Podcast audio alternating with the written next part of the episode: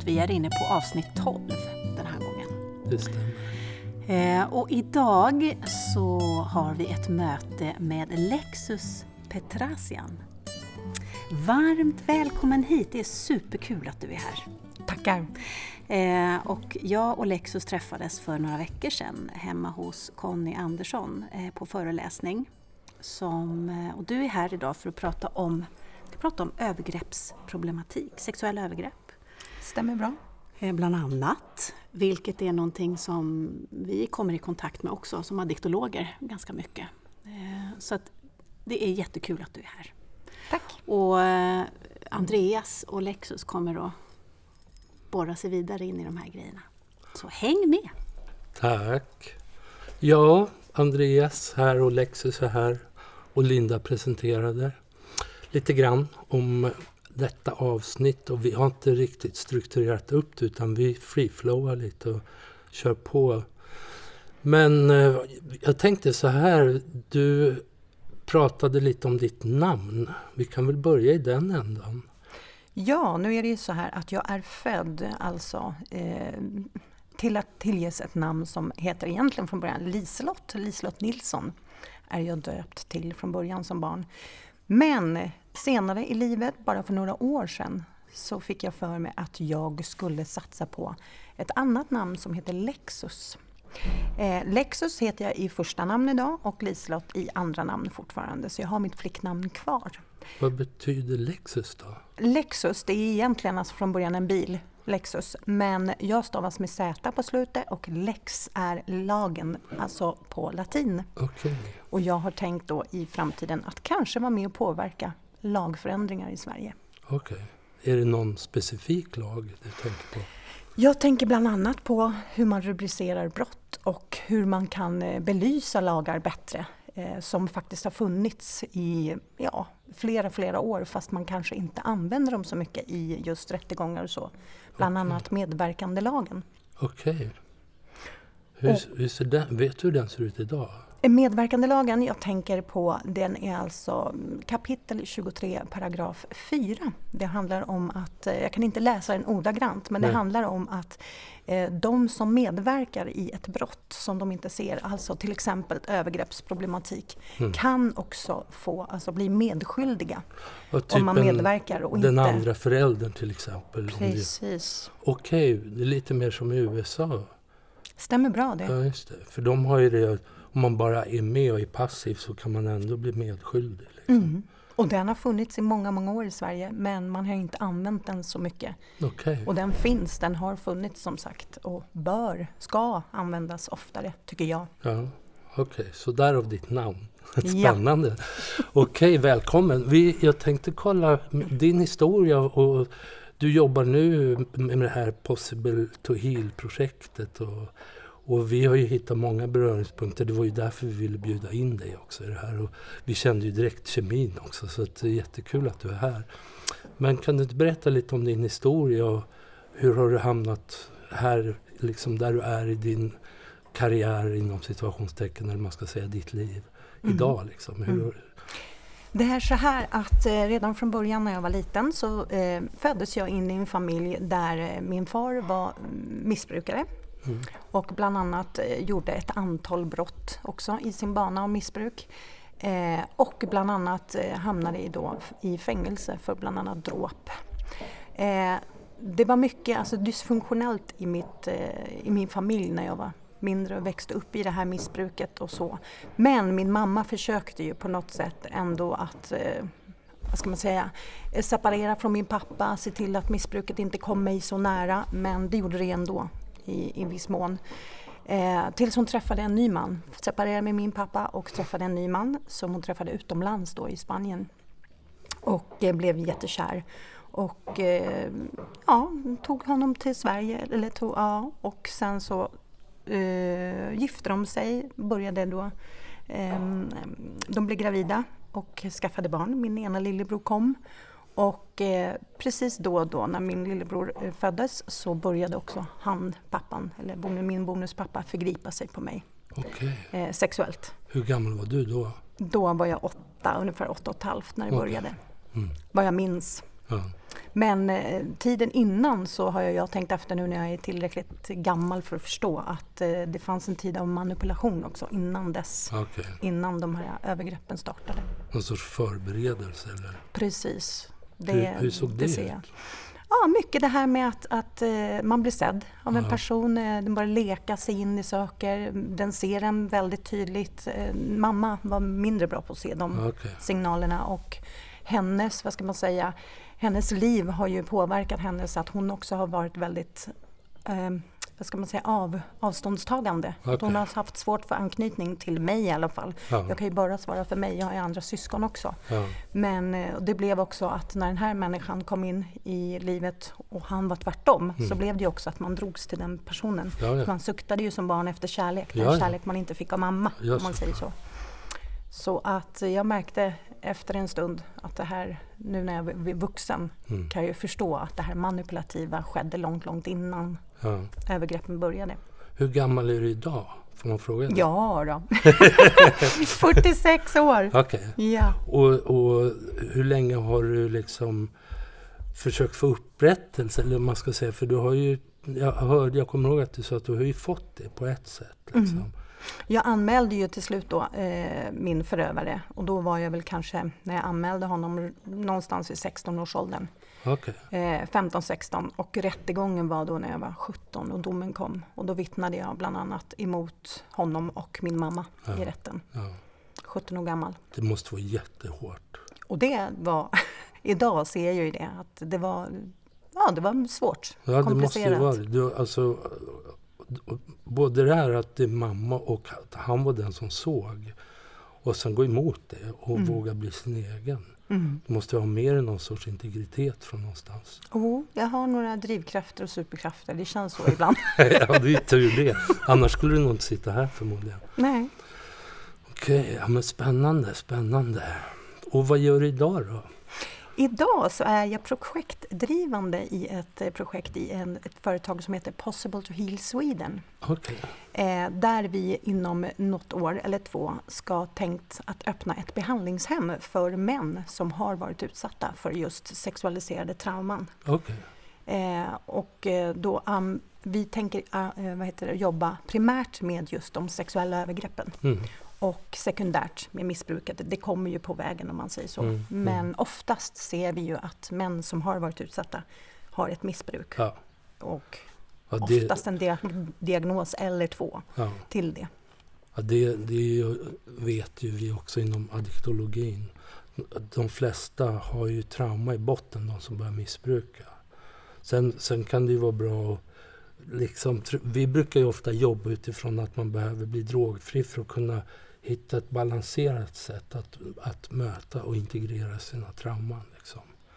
Men det jag ser idag också när jag möter män som har varit utsatta det är att många av dem har ju tagit tag i att tillfriskna Ja, i exakt. missbruket. Exakt. Men det kan ha gått flera år men de kommer inte vidare Nej. för, för att de har fått hjälp med missbruket men de har inte fått hjälp med det huvudsakliga traumat. Exakt. Och det är där det stannar. Ja. Och därför kommer de inte ur den här banan riktigt. Nej, Nej och, och medvetenheten om kopplingar mellan trauma och missbruk är ju inte så stora heller inom liksom, missbruksvården. Nej. Och, och psykvården eller psykiatrin verkar inte heller ägna sig åt att jobba med trauman. De verkar mest medicinera Mm. idag tyvärr. Mm. Så där, där kommer ni fylla en stor funktion. Och Oh, där ja. kan ju vi hitta många samverkansformer också. Och det är Ja. det som är tänkt i vårt projekt också, att vi Mm. vill arbeta mycket med människor som har, eh, vänder sig till alternativ vård och alternativ behandling Ja, till just de här. ja. Spännande. Mm.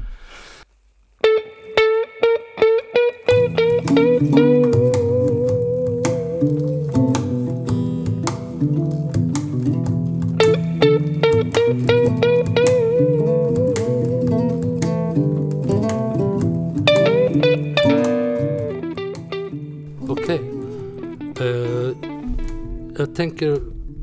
Utifrån lite olika begrepp kring våldtäkt mot barn, övergrepp och pedofili och incest och sånt där. Vi kommer att, att gå in och reda upp lite begreppsförvirringar som råder.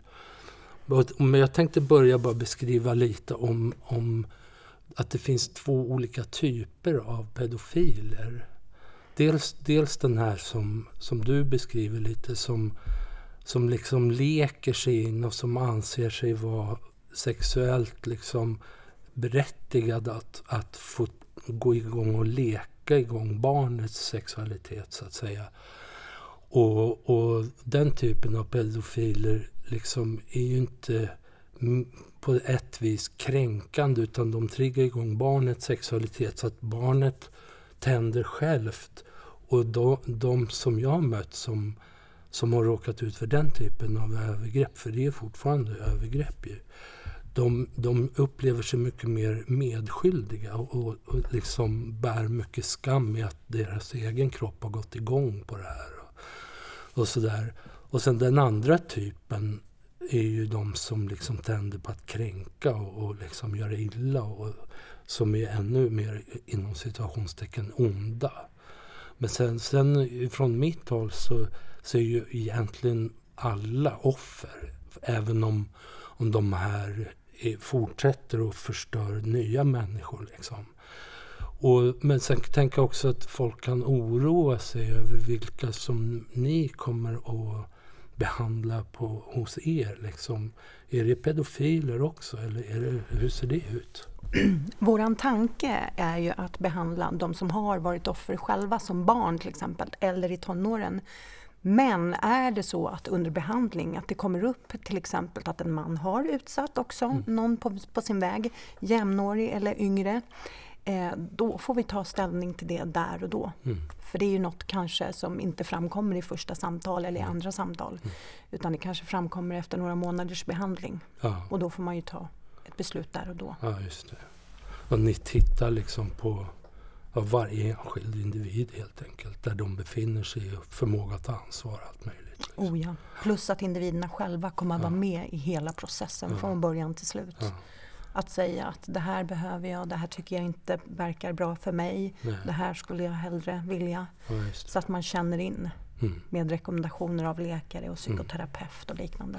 Men ni kommer i huvudsak att behandla offer, liksom, de som själva kommer som offer? Liksom. Det stämmer bra. Ja, Okej. Okay. Okej. Okay. Då knyter vi tillbaka till det här med begreppsförvirringen och, och ja, men pedofili, incest, våldtäkt och alla de här. Kan du gå in och beskriva så gott du kan? Ja, jag tänker så här under min tid och process som tillfrisknad eller i, ja, under hela min process så har jag tänkt just på det här också med att vara utsatt för incest. Jag säger inte att det inte tar lika mycket skada att bli utsatt för en våldtäkt på gatan eller av någon okänd i en lägenhet eller liknande. Men det är mer komplext att behandla en person som har varit utsatt för incest på grund av att det är oftast i en beroendeställning mm. till någon nära släkting eller så. Och det är också, är det en släkting som till exempel är morfar eller en moster eller något som man möter, inte alls ofta, eller om det är en mamma eller pappa det gäller, mm. då blir det också ännu mer komplext. Mm. För du står i sån beroendeställning till och oftast tystas det ner på ett helt annat sätt. Ja man vet väl inte hur, hur många det är idag? Nej, vi säger eh, statistiksmässigt att det är 20 procent av hela Sveriges befolkning som har varit utsatta för just sexuella övergrepp mm. eller sexualiserade trauman. Ja. Men mörkerantalet är nog det dubbla. Ja, okay. Och vi är ju 10 miljoner någonting nästan. Ja. 10,5 i Sverige idag. Mm. Och då är det ganska mycket folk egentligen som lider av det här. Mm. Och jag skulle vilja säga att det inte bara de som har varit utsatta som lider utan tystnadskulturen i Sverige är ganska så stor och mm. utbredd. Ja. Liksom till exempel om man bara tittar på män, för man, oftast hör man ju mest talas om att det är tjejer och kvinnor som har varit utsatta som barn. Men är det vanligt bland män tror du? Eh, som sagt så har vi inga evidens på hur många män som har varit utsatta men vi ser ju som jobbar just till männen, mm. eh, med männen, så eh, kommer de oftast till oss och det finns inte så mycket evidensbaserad statistik kring det här men just att mammor som har förgripit sig på sina söner eller något liknande så, eller pappor som har förgripit sig på sina söner, det eh, framkommer inte i statistiken. Nej. Och enligt det så tänker man då att det finns inte. Nej. Men det gör det ju. Ja, det och hos oss då, som jobbar i relation till männen, så framkommer allt som oftast ja. att det är just mamma eller pappa.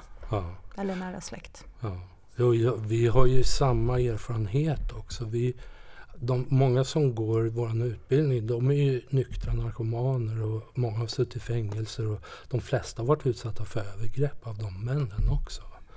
Så att det är ju det är inte ovanligt. Liksom.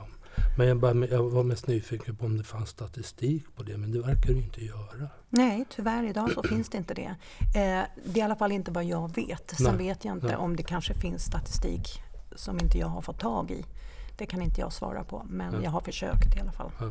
Linda verkar sugen på att stoppa in huvudet och säga något. Alltså, ja, det, det, blir man ju när man lyssnar på er. Ja. Men nej, jag, jag bara fick en, en tanke kring det här med män och kvinnor och att, eh, att det kanske oftast kan det vara så här att eh, om en man är utsatt för den här övergreppen, att, att det utvecklas, att han sen utvecklar en egen övergrepps strategi, så att säga. Att fortsätter på något sätt för att skydda sig och för att överleva så utvecklar han en, en fortsatt eh, övergrepp mot andra. Medan kvinnor kanske det är vanligare att de utvecklar så att säga, en fortsatt offermentalitet att hamna i, i situationer där, där de blir övergreppade. Det här kanske är att generalisera, ja. men jag bara kände att det Nej, men det kan, det kan nog stämma och dessutom tror jag Det är lättare att, tillgängligt för ja. män att, att, att uh, fortsätta mm. övergreppa än mm. att, att vara offer, så att säga. Mm. Och många kvinnor, tror jag, blir med, eh, medberoende mannen i det här därför de inte har kanske bearbetat sina egna övergrepp. Mm. Så de hittar en man som kanske är då en som har varit utsatt och är pedofil själv. Mm. mm. Det blir som ett, ja, man ska säga, likasinnad, man dras till varandra. Ja, det blir ett mönster som man mm. återupprepar. Mm. Socialt mönster. Ja. Jag skulle ju vilja slänga in en passus. det är bara att göra det. Och jag håller med, alltså, det är omöjligt att generalisera. Ja, för, ja. för jag tror också att det finns ett stort mörkertal av män som är övergreppade som inte begår övergrepp mot någon annan än sig själva. Mm, mm, och samma sak bland kvinnor. Mm. För jag, jag tänker så om man jämför att vara anorektisk eller ADD eller inåtagerande. Liksom, att, introvert. Ja, introvert. Att man liksom undviker livet den delen är ju väldigt många män som använder sig av de strategierna också. Men det kan skilja procentmässigt, det kan jag hålla med mm. om. Jag tror att, för det har jag ju märkt när jag jobbat med sexberoende män kontra kvinnor. Det är oftast ungefär en fjärdedel av kvinnor som söker hjälp för behandling i relation till män. Och jag har alltid tänkt att en del kan vara att det är så stigmatiserande och skamligt att vara kvinna och liksom söka hjälp för att man har varit otrogen till exempel. eller någonting. Då är man ju inte lika cool som man är som man om man har varit otrogen. Det finns liksom sådana mm. skillnader. Men sen, sen är det ju också, säger, tänker mm. jag Andreas, skillnad på mäns sexualitet mm, och exakt. kvinnors ja, sexualitet. Exakt. Det är mer skamligt om en kvinna säger att jag är upphetsad, ja, har lust, exakt, är kåt, alla de här ja, begreppen. Eh, och hitta sin egen sexualitet då som kvinna och tänka att jag har den här lusten eller mm, jag skulle vilja. Precis. Det är mer vanligt för en man tror jag. Ja, att säga eller uttrycka sig. Ja, jag håller helt med. Sen tror jag också att de kvinnor som söker hjälp, i och med att de behandlingar som har funnits och som har utvecklats de senaste 15 åren i Sverige har ju mest varit inriktade, dels är det män som har skapat behandlingsprogrammen. Och då, då blir man ju automatiskt lite fyrkantig eller nischad i vilka man tror behöver hjälp. Man ser ju liksom problemen utifrån sig själv. Mm. Och då är man inte lika skicklig på att utveckla liksom ett program som fångar upp de kvinnor som lider. Mm. Då, och nu börjar senaste kanske fem åren har ju det här med kärleksberoende och relationsberoende utvecklats ganska mycket. Och, och liksom kategoriserats och underkategoriserats och så vidare. Och där hittar man ju väldigt många kvinnor som lever i otroligt många konstiga överanpassningar. Och de flesta av dem har ju övergrepp i botten också. Och det, det, är intressant att du nämner det, för jag eh, bara för något år sedan satt och pratade med en vän och då sa jag till slut till henne, jag tror jag är kärleksberoende. Alltså hon sa verkligen det. Ja, men du pratar så ofta om det här med kärlek och alltså det, hjärtan överallt och sådär. Och jag har kommit fram till att jag är beroende av det, men jag tror att det beror på att ja. jag inte fick det som barn. Exakt. Alltså anknytningen ja, riktigt. Ja. Jag söker mig till människor som gärna är fysiska och vill kramas. Och så. Det har varit nästan så att jag fått satt gränsen åt andra hållet istället. Det är ju addiktologin, det kommer ju sen när du lyssnar på ljudboken, en av de mest fundamentala liksom, orsakerna till varför man utvecklar ett beroende, det är ju behovsdeprivation. Mm. Och vi alla, alla barn behöver bli sedda, alla barn behöver kärlek. Det är ju ett, det är ett sunt beroende. Mm. Men om man inte blir mött i det behovet, då hittar man ju andra sätt att hantera livet. Mm. Och jag tänker i det. När människor i min närhet när jag var liten också mm. eh, missbrukade då alkohol och narkotika och vissa preparat så blir det också, det blev för mig, eh, då blev jag sedd. Ja. När de hade tagit, druck, druckit alkohol Exakt. eller ja. eh, tagit till narkotika. Ja. Då helt plötsligt så vaknade de och blev glada eller såg barnen och, och så. Och sen när man då blev eh, vad heter det, nykter, ja. eller dagen abstinent, efter, abstinens, då fanns de inte där överhuvudtaget. Då försökte man få samma som barn, mm, uppmärksamhet. Mm, men det fick man ju inte. Nej. Så då var det också en koppling till att föräldrar, man ska bli ihop med någon som tar en drog, för då blir man sedd. Alltså från barnperspektivet. Mm. Mm. Ja, det är mycket, många intrassningar här från ett barns perspektiv. Mm. Och där kan man ju också få, vi har ju även vuxna barnveckor. Där, där vi hjälper, hjälper, många vuxna liksom, som har överlevt sin barndom och trasslat sig ur sitt fängelse. Liksom. Mm. Överlevnadsfängelse eller vad man ska kalla det för. Mm. Och jag tycker det är intressant också att ni har hand om många eh, i behandling som har suttit i fängelse. Ja, som ja. Också för det, eh, man kan prata om kostnader kring vad det kostar för en intern att sitta på olika klass, klassificeringar i mm, fängelse. Mm. Men det är fortfarande så att jag tycker inte ens att de ska behöva hamna där. Nej. Idag så är det mellan 6 och 7 tusen i Sverige som mm. sitter på mm. olika former av fängelsen. Ja. Men eh, alltså, kan man bara förebygga och hitta ja. människor innan de hamnar där ja, så visst. tycker jag att då har vi ju lyckats. Ja. Jag tror, vi, vi, har ju både, vi vill ju både starta skolor och liksom till och med haft tankar på att starta en sorts profylaxutbildning för föräldrar i, i hur man möter barns behov för att, för att det finns en generationell del i den här problematiken där man ärver anknytningsbeteenden och allt möjligt. Men det är också lustigt att du äh, nämner det, för det här med socialt arv tänker jag på. När jag går in, nu pratar jag om mig själv utifrån ja, mig själv, ja. när jag går in och väljer att gå i behandling ja. för de här sakerna, mm. då sätter jag stopp. Yes. Jag tar ansvar för nästkommande generation Exakt. att någonstans bryta det sociala arvet. Att inte fortsätta och, och bete mig som mina föräldrar tidigare har gjort utan säger nej tack till det ja. och tillfrisknar ja. i min process. Det är ju det är så häftigt när man jobbar med, med ja, men alla människor man möter som har gått in i tillfrisknande och de här relationella mönstren bryts. Liksom. Det är fantastiskt ju. Det är en stort idé, eller en stor... Det, det, vad ska man säga? Det är en fröjd att få vara med i de processerna tycker jag. För ja, för det är det är mest fantastiska, att verkligen får leva ett liv fullt ja. ut. Och, och bli en förebild för sina barn kanske. Att plötsligt får de också möjlighet att leva sina liv för att föräldern är en förebild också. Mm. Om man nu har barn och börjar tillfriskna. Liksom. Mm. Många har ju så mycket skuld i relation till barnen men så fort man bryter mönstret så finns man ju där igen. Mm. mm. Och det tänker inte alla på. Liksom.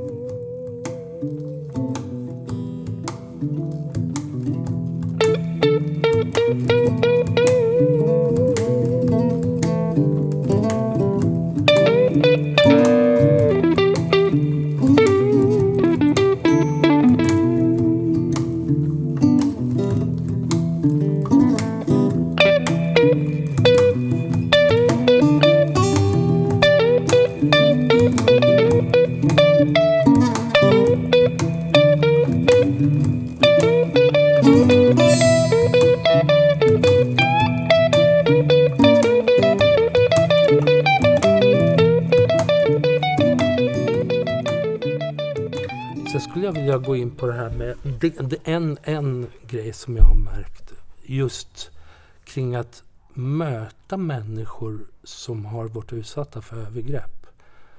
Och som terapeut.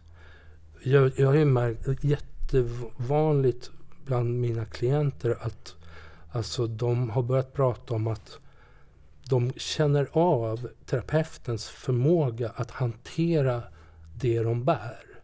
Så att de undviker, så fort en terapeut visar minsta signal på att de blir upprörda eller rädda för att gå in i övergrepp. Och då, då, så, så, att de känner liksom av först terapeutens förmåga. Och det här, det här gör ju att väldigt många som kanske börjar liksom yppa en liten grej kring det här så får hjälp av terapeuten på något sätt att undvika, eller tvärtom, att de undviker för att terapeuten inte kan hantera. Liksom. Mm. Och därav så är det ju många som missar det här. Och det handlar ju också om att när du blir utsatt för övergrepp, just sexualiserade, så utvecklar ju också en hypersensitivitet ja, kan man säga. Ja. Så du har ju alla ja. känselspröten ut och tänker, vem klarar att höra det jag har varit utsatt för? Som då offer, tidigare offer, och ska gå till en terapeut mm. eller psykolog, mm. så berättar man gärna inte det värsta, utan man berättar, man pyser lite, som sagt, och kanske det är ju individuellt också, ja. om hur mycket man vill berätta eller hur lång tid det tar innan man börjar berätta. Mm. Men jag har ju gått till psykologer som är helt ute och dissocierar sig själva, ja. bland annat, för att de inte mäktar med det jag säger. Nej. Och, och sen då när jag ska ringa... Hur känner man sig då? Inte som alls. hjälpsökande? Nej, liksom. och dessutom när man ringer upp psykiatrin och säger att jag behöver nog byta psykoterapeut eller ja. vad det nu gäller. Ja. ja, men då får du nog säga det till den personen. Ja, men det är ju därför jag går hit, för ja. att jag inte har kunnat säga nej när jag ja. var liten. Och så ja. nu begär du att jag ska kunna säga nej till den här personen också. Jag kanske inte är där i den nej. fasen. Nej. Men om det, jag är där jag är idag, då hade jag ju kunnat det. Och hur många människor är det som ens kan söka hjälp för rätt sak? För det, det har jag också upplevt att de flesta kommer in via massa andra grejer. Mm. Och, och sen tar det lång tid. Jag har ju haft klienter som jag har haft i fyra, fem år. Och, och det, det, kan ju ta två, tre år innan det, grundorsaken eller kärnproblematiken kommer upp till ytan. Liksom. Mm. Och, och, klienten själv till och med kan se kopplingar. Mm. Så begär man att, att man ska själv veta vad man söker hjälp för. Det är helt omöjligt. Mm. Och det är också eh, mycket skam och skuld i just sexualiserade trauman. Därför är det också mer komplicerat att söka hjälp för just det. Ja. Man söker gärna hjälp för andra saker, depressioner eller sin diagnos eller vad man nu har. Men så framkommer det då under samtal och i behandling efter ett tag att det är just det här som är kärnan. Ja. Och därför vill vi på vårt behandlingshem, då Kreab-tryggheten sen som det kommer att heta, vi vill primärt säga att det är just det här som är det primära att mm. behandla. Mm. Och det gör vi av en orsak också. För att ta bort det här ja. skam och skulden ja. direkt att säga. Ja. För hit kommer du om du själv vill, liksom, eh, är redo att ta tag i den läkningen. Ja, det är ju bra. Då, då kommer ni i alla fall hitta folk som själva är där, så att säga. Precis, av rätt orsak. Ja, exakt. Plus att då kommer de ju ha säkert någon diagnos eller två. Ja. Och ett missbruk ja. också som har följt med. som har blivit en konsekvens, en bieffekt. av... Symptom mm. skulle jag vilja kalla det för. Mm. Eller, eller det som Linda var inne på, alternativa överlevnadsstrategier som, mm. som är mer eller mindre funktionella. Men det finns ju alltid en självmedicineringssyfte med droger. Mm. Det är ingen människa som tar en drog bara för att det är så kul. Nej, och det är det jag tänker också missbrukare oftast. Det är ingen som har sagt jag blev älskad när jag var yngre. Ja. Sällan så. Ja. Utan det är många som har anknytningsproblematik i bak. Ja. Eller, ja. ja. Och oftast om man upplever att en drog löser alla problem första gången man tar den. Då är det ju för att man har massa problem med sig. Inte för att man är fullödig individ som är spontan och kreativ och lycklig och trygg. Liksom. Nej. Så, för då funkar inte droger lika bra. Liksom. Mm. Och det här, jag, jag, tror att det handlar om det somatiska, ja, stämmer det? Ja, det mm. kroppsliga. Mm. Men även det liksom... Eller, ja, jo, men jag håller med. Men det, det finns så många aspekter i det där. Mm. Och det skulle ta en kvart till och gå in på all, alla kopplingar till... Ja, jo, men hur... Jag kan bara kort... Hur, hur... Det finns i oss människor liksom alternativa sätt att hantera våra verkligheter. Mm. Och, och ett, en av de incitamenten i oss, det är ju smärta. Vi undviker smärta per automatik. Mm. Precis som vi tar handen från plattan om den är varm, så undviker vi emotionell smärta. Mm. Och, och då lagrar vi skam runt, runt känslorna. Liksom. Mm. För att de talar ju om vilka behov vi har, men möts vi inte i våra behov så börjar vi skämmas över våra behov. Mm. Och så börjar vi hitta andra sätt att hantera livet mm. på. Och kick och njutning är ett sätt. Och liksom, smärta är ett och kontroll är ett till exempel. Mm. Och, och sen utifrån de här tre incitamenten som addiktologin kallar det för så kan man vidareutveckla överlevnadsstrategier som, som, som du berättar lite om att mat blev för dig till exempel. Mm. Då utvecklar man en relation till mat istället mm. eller till sex och onani eller till droger eller till något annat så man kan höja dopamin, serotonin och kontrollera sin, sitt känsloliv med. Liksom. Det som är det komplexa också när man har varit utsatt, eller jag talar ju utifrån mitt perspektiv, eh, det är ju också att eftersom det är sån tystnadskultur och mm. skam mm. kring det här mm. så är det ju så att när det framkommer så vill ju oftast familjen tysta ner det. Ja, ja, eh, och man vill inte tala om det, man vill inte att människor i omgivningen ska veta någonting. Eh, och det blir ju också så att när man blir tystad, vad ska man göra? Jo, man tar till någonting istället, ja. någonting som gör att det kanske är lättare för en. Ja. Och för mig så blev det ju mat tills jag vägde nästan 150 kilo. Och förstod att till slut när jag hade samlat på mig alla möjliga sjukdomar. Jag hade fått eh, djup ventrombos, jag hade fått diabetes typ 2. Mm. Eh, alltså, jag låg ju på sjukhus titt som tätt, jag hade ju mm. klippkort. Mm. Så då tänkte jag, men jag har inte ens fyllt 40 och jag Nej. mår så här. Alltså ja. vad är det jag gör mot mig själv? Ja. Ta successivt självmord. Ja. Sakta men säkert, det är det jag gör. Det är ju, kallar ju den överlevnadsstrategin för självdestruktion. Mm. Och det är vad det är. Och egentligen om man ser det då kopplat till övergreppen så är det ju symptom på övergrepp. Mm. De här fysiska grejerna och matgrejerna men även alla sjukdomar, följdsjukdomarna, mm. blir ju symptom. Mm. Men det som blir det komplexa tänker jag på också, mat behöver ju människor. Ja, Men narkotika och alkohol, de här preparaten, ja. behöver vi ju inte Nej, egentligen, exakt, de tar vi ju till. Nej. Men mat, det blir ju verkligen så här, var jag inte, alltså, hade jag inte kontroll på maten förut så har jag ju det idag. Ja. Alltså, det har blivit ännu mer så här, för skulle jag inte äta om två timmar, då, då får jag för lågt blodsocker och då kan exakt. jag hamna i koma automatiskt. Ja, mm. så är det ju. Du vill lägga till? Mm, nu har jag stuckit in huvudet igen. Ja, väl, välkommen nej, till jag, grottan. Ja, nej, men jag tänker bara vilket fantastiskt um, jobb du gör, Lexus, och att du har brutit, jag tänker brutit de här beteendena i din familj. Eh, och vilken läkningsprocess som är påbörjad. Och det här med att ta liksom bladet för munnen att krossa tystnadskulturen. Mm, ja, det är alltså, helt Som är så otroligt viktigt. Så, mm. och, och jag vill också bara eh, koppla tillbaka till det eh, ni nämnde i början med, med våra gemensamma beröringspunkter och, och samverkan och sådär. Så har vi ju en grej, spännande grej som händer här 10 februari. Just kan ni inte liksom avrunda genom att prata lite om den? Absolut. Jättebra. Mm. Ja, den 10 februari ska vi ha en seminariedag Mm. Och tillsammans. Så du får jättegärna beskriva den och vilka som ska vara med och var och när. Ja, det är alltså måndagen den 10 februari ja. 2020. Oh! Nästa år. Det, det, är, det är inte långt borta nu. Nej, det och det är julafton det. imorgon. Ja, och det, det känns ju... det är helt sjukt. Eh, ja, nej, men det, tanken kring det här seminariet det, det, kom ju av att vi hade en föreläsning i Sigtuna hemma hos eh, Conny Andersson. Mm. Som idag är tracker, han är spårare ja. alltså och har ja. tidigare jobbat som polis i 20 år. Ja. Eh, och där mötte jag då Linda och eh, vi bestämde att vi skulle träffas mm. och sen så träffades vi bara för några dagar sedan och sen så bestämde vi att vi ska ha en sån här seminariedag. Och då är vi flera stycken vad jag förstår ja. som ska föreläsa om ja. olika ämnen kring just eh, addiktologi ja. och sexualiserade trauman.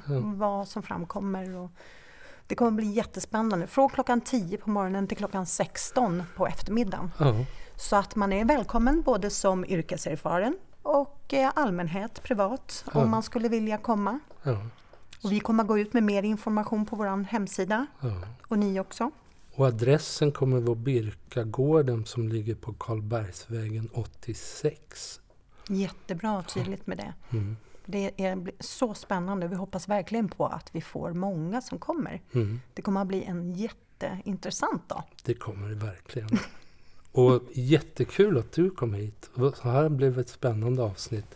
Hoppas många människor lyssnar på det här och sprider vidare också. För det här är ett tema som vi måste bryta den här tystnaden. Det, den, är, den är förödande för så många människor på så många sätt.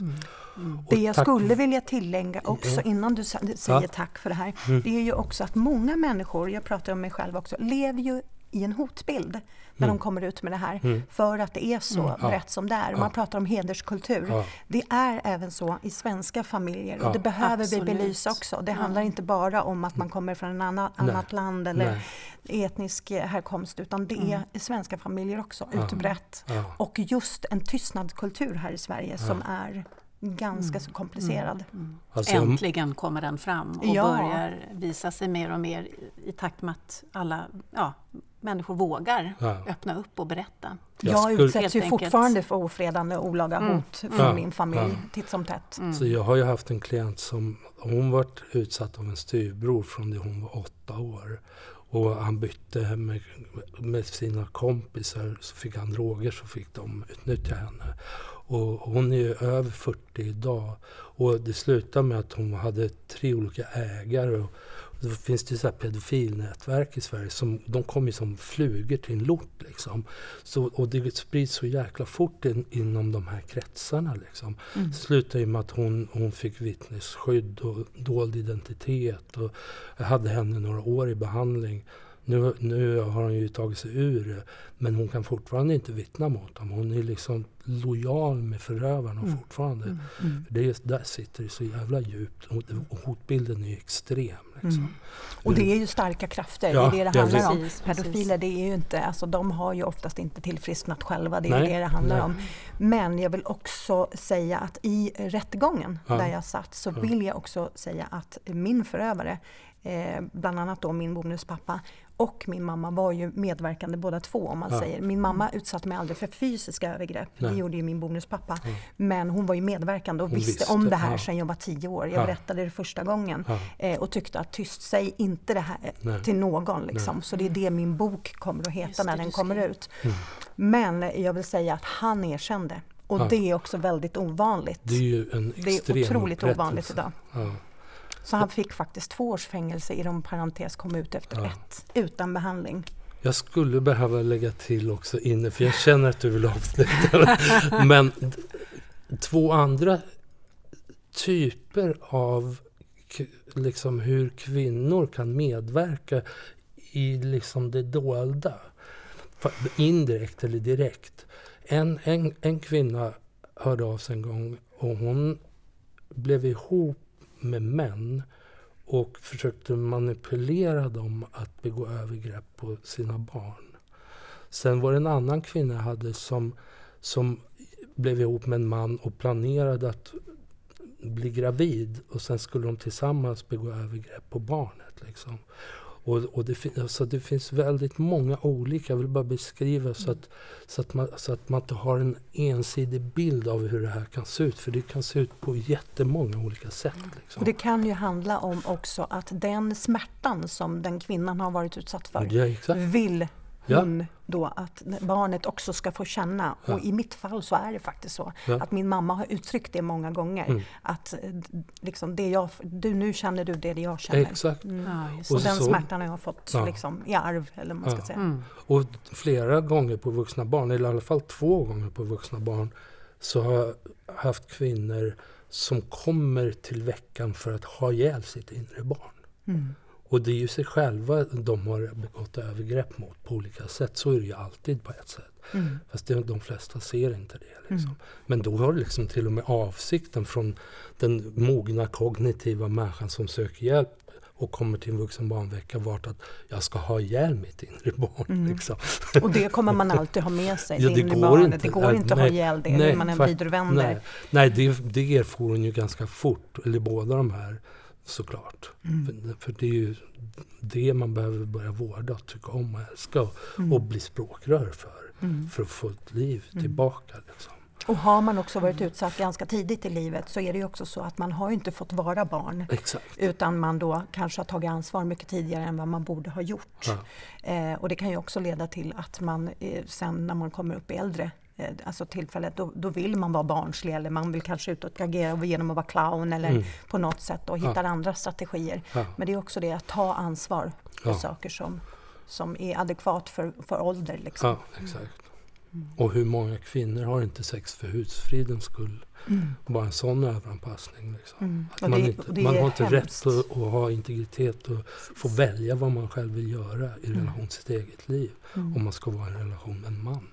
Och dessutom så vet jag, jag har mött många män som också säger att det är svårt att tala om sexualitet med sin kvinna för Ja. att kvinnan talar inte om oftast hur Ja. de vill ha det eller, Exakt, ja. eller vågar inte Ja, komma in på det. Man är exakt. tyst istället Ja. och så kanske man ligger och så förstår man inte varandra och så mannen frågar eh, Fick du orgasm? Kom du? Eller liksom Ja. Nej, vadå, ska jag göra det? Eller nej, jag klarar inte det. Det gör du. Och liksom, Ja. Se till att få dina behov Finish fyllda. your Ja. business så kan vi duscha sen. Ja, och det är, det är tragiskt. För att man, varje människa, oavsett man eller kvinna, vi är ju människor. Ja, ja visst. Vi behöver ju leva ett närhet. liv Ja, som, som man vill fullt ut. Mm. ja, Både Mm. med sexualitet, sensualitet. ja. Det har vi alla rätt till. Oh ja, Mm. Och det går att ta sig dit. Ja. det är fullt möjligt. Ja. Possible to heal. Yes. Yes! Ja. Ja, eller kontakta samverkangruppen.se. Det, är- det går också bra. Mm. Ja, men det är jättebra. Ja. Och vi kommer ju fortsätta samarbeta, det känner jag. Oh ja, vi har så mycket gemensamt. Definitivt. vi vill åt Vi samma har- håll. Ja, och det är otroligt spännande. Så eh, fortsättning följer helt enkelt. Jo, nu har det vi, det. känns som att vi bara har skrapat på ytan även denna gång. Oj, oj, oj. Det kanske blir en podd till. Ja, ja det, why not? Det finns en risk för det. Nej, Ja, men, absolut. Ja, det här är ju ett, ett stort tema som Stort tema, otroligt viktigt och angeläget ämne som vi vill fortsätta jobba vidare med definitivt. Och det jag tycker är så bra med er också, det är att ni vågar, alltså vågar verkligen vara öppna kring det. Mm. För det är så komplicerat. är... Mm. Mm. Mm. Mm. Och det är jättebra. Mm. Ja, men Tack. det är där vi eh, förändrar Mm. världen helt Mm. enkelt. Så tack, tack till dig Lexus. Ja, Tack själva. jättekul att du kom Mm. hit. Och, och jättekul att ni lyssnar. Fortsätt lyssna. Sprid gärna, dela, hör av er. Eh, och eh, välkomna tillbaka. Ja, tack så mycket. Tack! Och god jul! Ja, god jul och gott nytt år. Nu kommer nog inte avsnittet ut först lite efter. Jag ska så, så snabbt som möjligt, för det här måste ut. Mm.